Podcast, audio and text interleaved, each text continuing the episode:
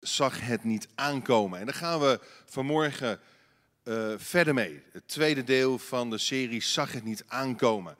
Vanmorgen gaat het over compromissen en hoe karakter je capaciteit bepaalt. Hoe karakter je capaciteit bepaalt. Veel mensen leven volgens de formule: hoe groter de skills van iemand zijn, hoe groter zijn of haar potentieel is. We denken dat onze competentie, onze vaardigheden, onze skills, de rijkwijde van onze capaciteit bepaalt. Hoe talentvoller, hoe succesvoller we in het leven zijn. Dus hoe groter de skills, hoe verder we komen. Hoe meer we bereiken. En we houden ons voor dat de grens van onze capaciteit bepaald wordt door onze vaardigheden.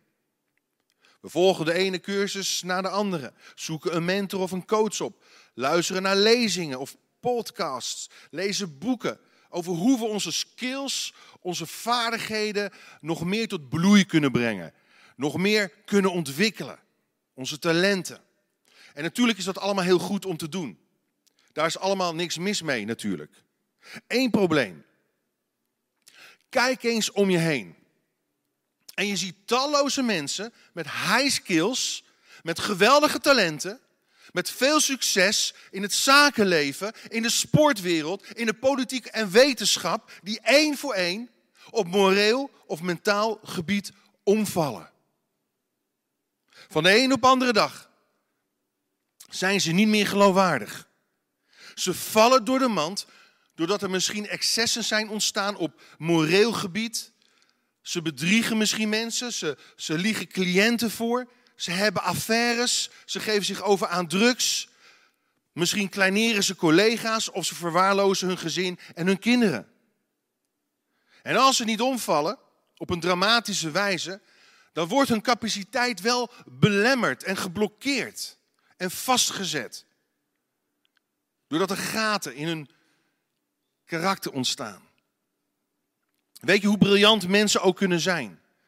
Alle vaardigheden in deze hele wereld kunnen het gebrek aan karakter in iemands leven niet compenseren. Dus karakter is eigenlijk de graadmeter van je capaciteit.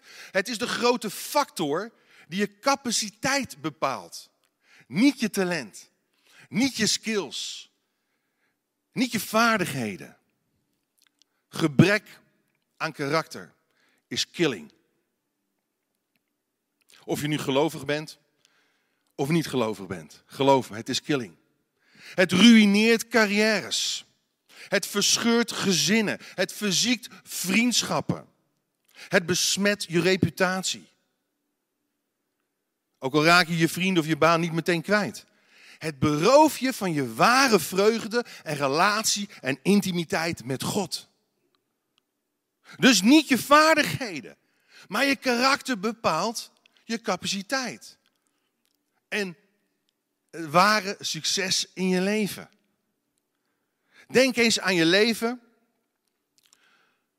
als je tien jaar verder bent. Of twintig jaar verder. Of dertig jaar verder. Als je op dezelfde voet door blijft leven, is het dan een disconnectie tussen wie je nu bent en wat je wilt worden of niet? Competentie, lieve mensen, brengt je in de wedstrijd. Maar karakter houdt je in de wedstrijd. Waarom is karakter belangrijker dan competentie in je leven? Omdat het met je A. uiteindelijke bestemming te maken heeft. En B. met je geestelijke nalatenschap. Je geestelijke erfenis. Lees u mee. Romeinen 8, vers 28. Daar lezen we eigenlijk de kern waar het om gaat in ons geestelijk leven. Intussen, zegt Paulus, weten wij dat voor wie God liefhebben, alles zich ten goede keert. Voor hen die volgens zijn raadsbesluit geroepen zijn. Want wie hij tevoren heeft gekend, heeft hij ook tevoren bestemd om gelijkvormig te zijn aan het beeld van zijn zoon, aan het beeld van Jezus Christus. Dus het beeld van Jezus in ons heeft eigenlijk alles te maken met karakter, met de innerlijke eigenschappen van Jezus Christus. Paulus zegt in Efeze 4, vers 24, doe de nieuwe mens aan. Hoe ziet die nieuwe mens eruit? Hij zegt, de nieuwe mens die naar het model van God geschapen is, in ware gerechtigheid en in ware heiligheid. Lieve mensen, dit, dit is natuurlijk een voortdurend proces gericht op geestelijke volwassenheid. Als we pas tot geloof komen, dan hebben we melk nodig. Dan zijn we baby's in het geloof, maar we groeien naar volwassenheid toe. Dat heeft alles met karaktervorming te maken. Gods werk in ons is gericht op het bereiken van een volwassen maat van Christus. En daar gebruikt God de gemeente voor, de bedieningen in de gemeente. De bedieningen van, van het apostelschap, de profeten, de evangelisten, de herders en de leraren. Om tot de volle mannelijke rijpheid in Christus te komen. Heeft alles met geestelijke groei en volwassenheid te maken. Maar wat zien we? In onze cultuur wordt volwassenheid grotendeels gedefinieerd door wat we weten en wat we kunnen. Het wordt grotendeels bepaald dus, dus door onze prestaties. En het gaat vooral om kennis. En ook in veel kerken is dat zo. En ik zeg niet dat kennis verkeerd is. Sterker nog, ik geloof dat we goede Bijbelkennis nodig hebben.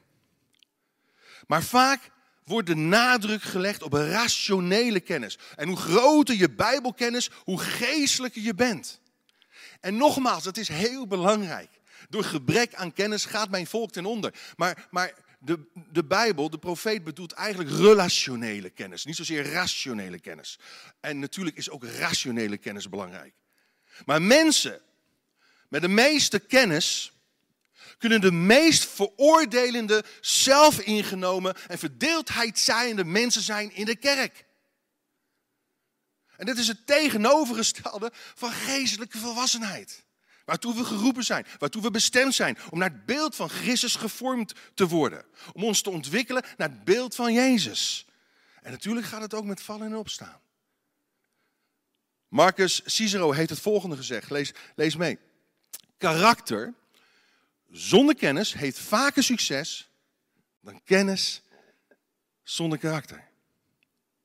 Jezus, hij definieerde volwassenheid niet met kennis. Want, de kennis blaast op, zegt Paulus. Maar de liefde bouwt op. En ook Jezus, hij definieerde de ware mate van volwassenheid, van geestelijkheid met liefde.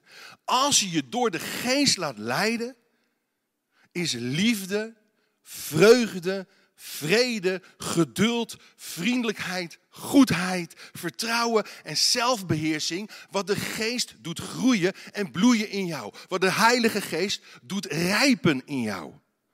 En dit zijn de kenmerken die je karakter vormen en je capaciteit bepalen. Het wordt ook je nalatenschap. Wat laat je achter? Luister goed, je capaciteit laat misschien wel een sterke eerste indruk achter. Maar je karakter laat een blijvende indruk achter, een blijvend spoor achter. Weet je, je collega's kunnen misschien gefascineerd raken door wat je kunt doen, door wat je kunt presteren, door je competenties. Maar je gezin wordt geraakt door je karakter. Weet je, als je de laatste adem uitslaat, dan zullen mensen het niet hebben over wat je allemaal gepresteerd of, of, of, of gedaan hebt, of wat je allemaal verdiend hebt. Ze zullen het hebben over wie jij bent. Dus vraag je nu af, op dit moment, hoe wil jij herinnerd worden? Waar zullen je kinderen, je familie, je vrienden aan denken als jij deze aarde verlaat en je huis in de hemel inneemt? Zullen ze dan denken hoe zagrijnig je was?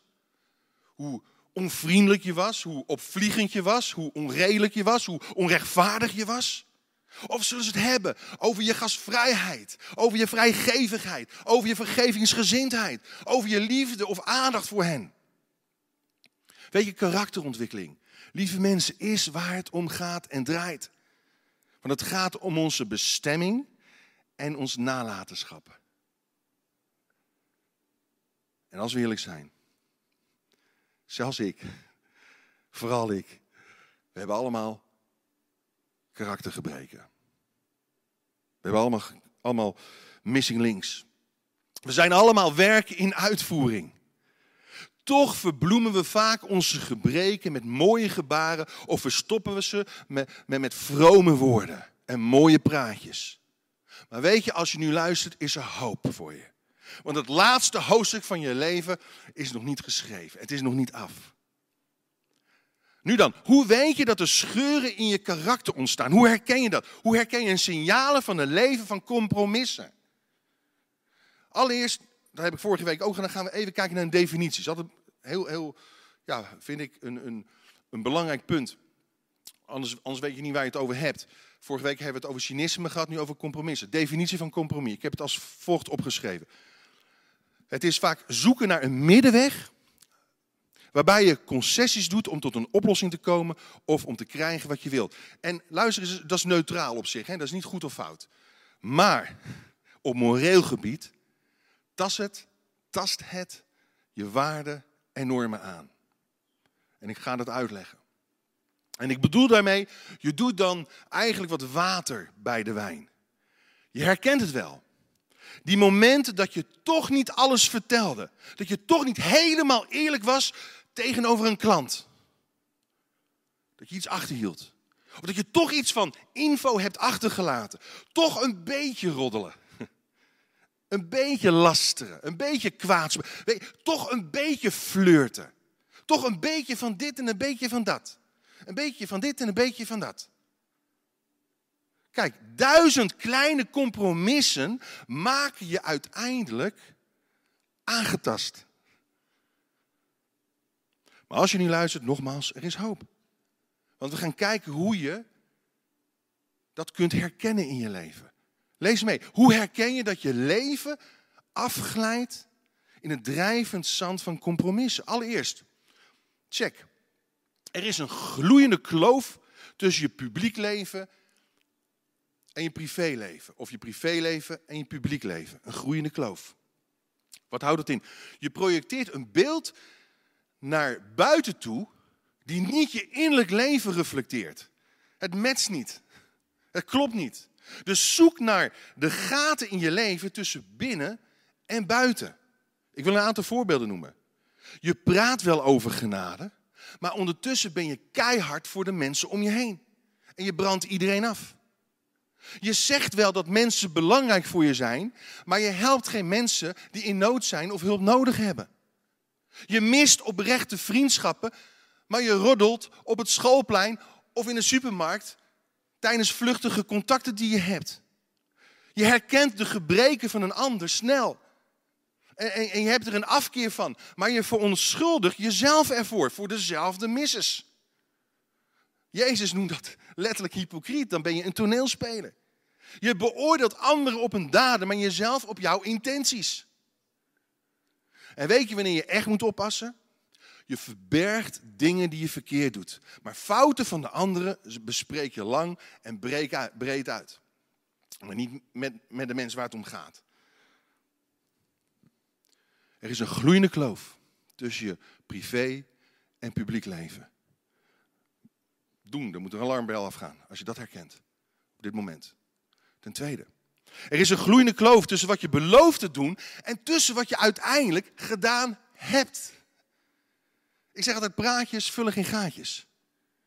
Je zegt dat je een, af, een keer gaat afspreken met die en die, maar je doet het niet. Je zegt dat je een keer komt helpen in de tuin, maar je doet het niet. Je zegt dat je een keer met je vrouw gaat shoppen, maar je doet het niet. Dat klinkt als muziek in de oren van mijn vrouw op dit moment. Wanneer ga je met me shoppen? Oké, ik zeg nog niks. Ik beloof nog niks. Maar je zegt dat je een keer gaat sporten met je kids en je doet het niet. Je zegt dat je een keer een spelletje gaat doen met je kids. En ik heb dat vele malen beloofd aan mijn kids. En nog steeds niet ingewilligd, want ze hebben van die spelletjes. En ik hou eigenlijk helemaal niet van spelletjes. Ik, ik wil wel met ze gaan sporten, maar spelletjes. Eh, hoe heet dat, dat spelletje ook weer? Dat nieuwe spelletje. Quicks? Kliks? Dat zegt me niet zo verlegen. Hé? Hoe? Beverbende? Oké. Nou, Esther en Magali, ik ga, niet vandaag, ik ga deze week beverbende met jullie spelen. En anders, en volgende week mogen jullie vertellen hier aan de gemeente of ik het gedaan heb of niet. Anders maken, ja, anders dan, goed. Oké. Maar luister goed. Je zegt misschien wel, ik ga voor jou bidden, maar je doet het niet, het gebeurt niet. En wat er dan gebeurt is dit. Je gaat jezelf verontschuldigen en schoonpraten, want het ligt altijd aan iets of iemand anders. Weet je dat? Je had het te druk. Ja, ik, ik was het vergeten. Ah, ik ben nu moe. En allerlei excuses stapelen zich op en groeien uit tot compromissen. Je maakt jezelf wijs dat je er niets aan kunt doen, dat het onvermijdelijk is. Of je zegt ja maar, ach iedereen doet het. Dus waarom ik niet? Of iedereen laat het na. Nou, we gaan duiken in een Bijbels personage, Simpson. Lees mee. Simpson is een Bijbels personage die voortdurend compromissen sloot. Wat kunnen we van hem leren? Simpson, een krachtpatser in, in het Oude Testament. Hij was een man met ontzettend veel talent en capaciteit. Hij had alles mee. Hij had zijn uiterlijk mee. Hij had zijn, zijn achtergrond mee, gelovige ouders, een profetische belofte. Maar hij eindigde als een spotobject in schande en ellende. Hij groeide op met grote beloften. Hij was veelbelovend, maar hij eindigde in de goot. Ja, God had een geweldig plan met Simpson. Een plan van bevrijding voor het volk van Israël. En, en, en hij, het werd eigenlijk uiteindelijk een vreselijke soap van verleiding, van bedrog en geweld. Simpson, hij verschijnt op het podium en begint grote dingen doen, gedreven door de Heilige Geest. Een leeuw verscheurt hij als een blad papier. De poorten van Gaza tilt hij op alsof het een dienblad was. En de hulk zou verbleken bij Simpson, geloof me. Toch bestond zijn leven uit compromissen.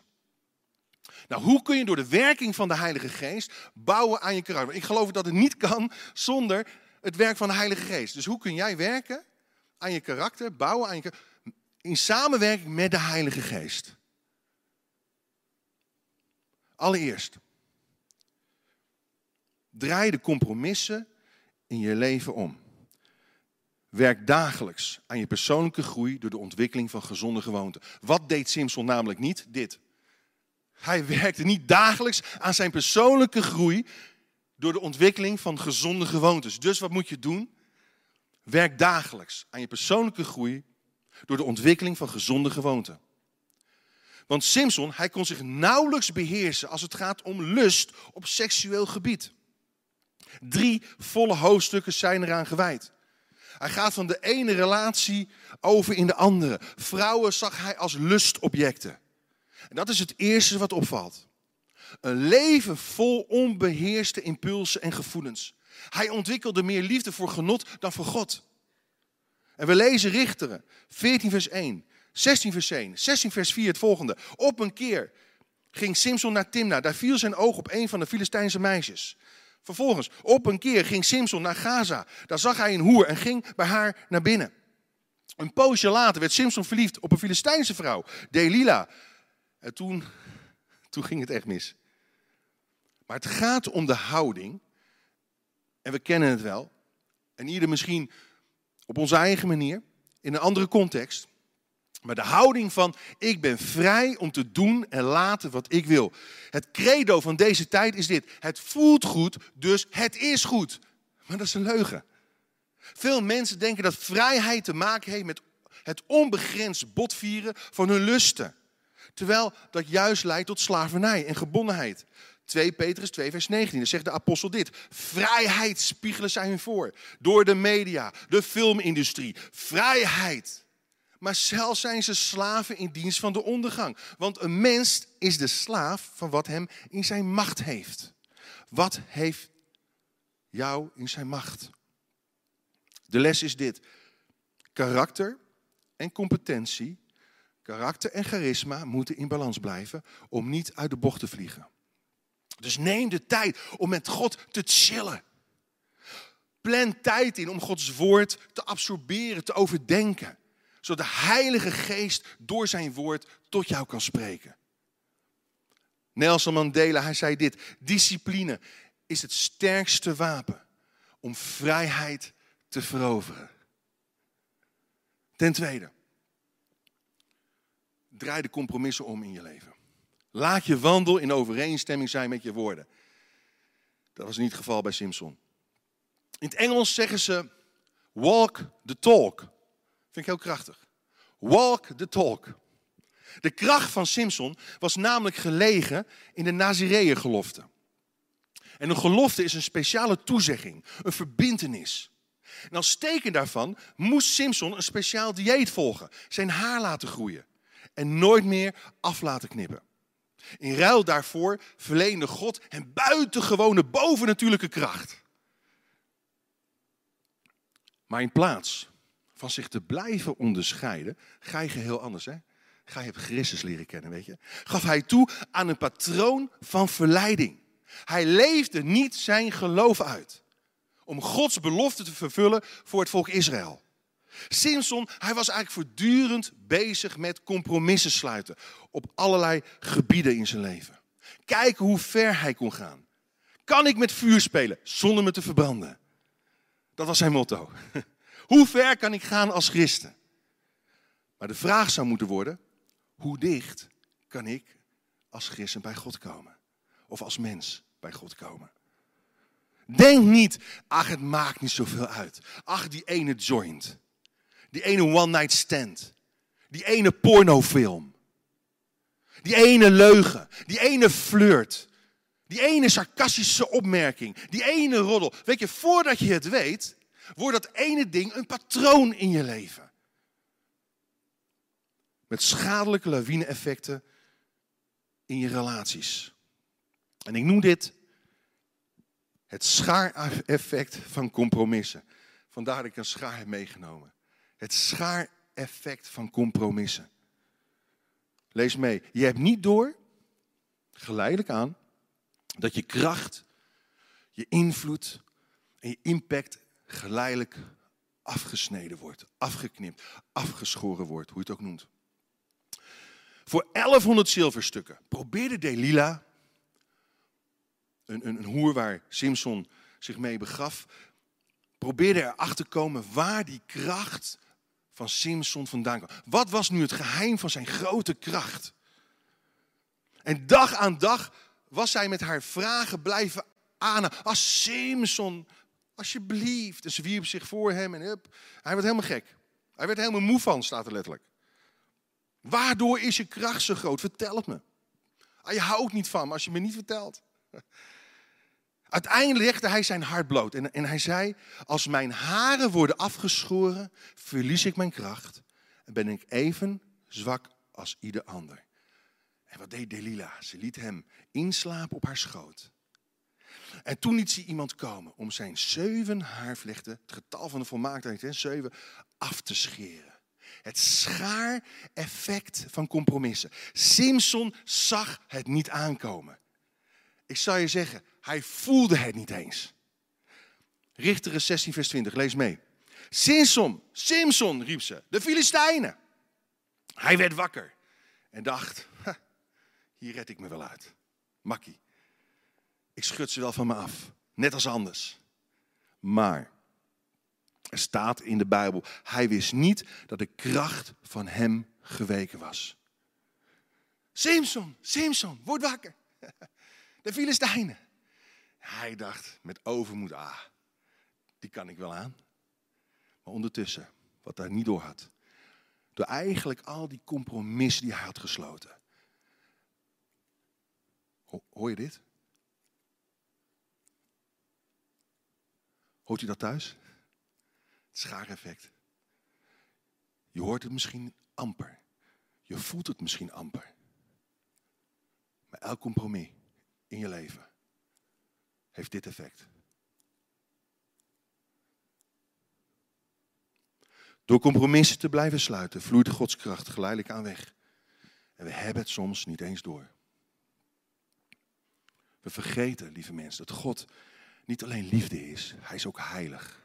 Hij is niet alleen vol, vol, waar, vol, vol genade, hij is ook vol waarheid. Hij is niet alleen barmhartig, hij is ook rechtvaardig. Dus ten derde, derde punt.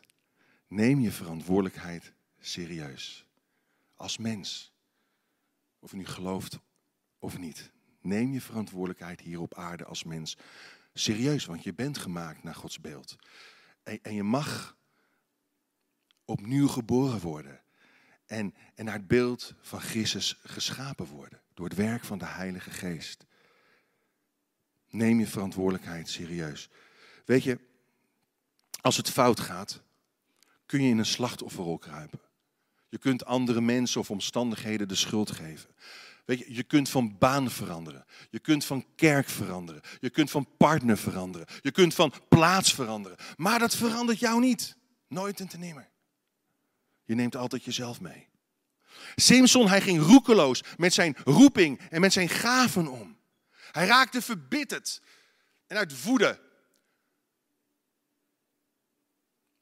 sloeg hij duizenden Filistijnen dood. Niet uit rechtvaardigheid meer, maar uit woede.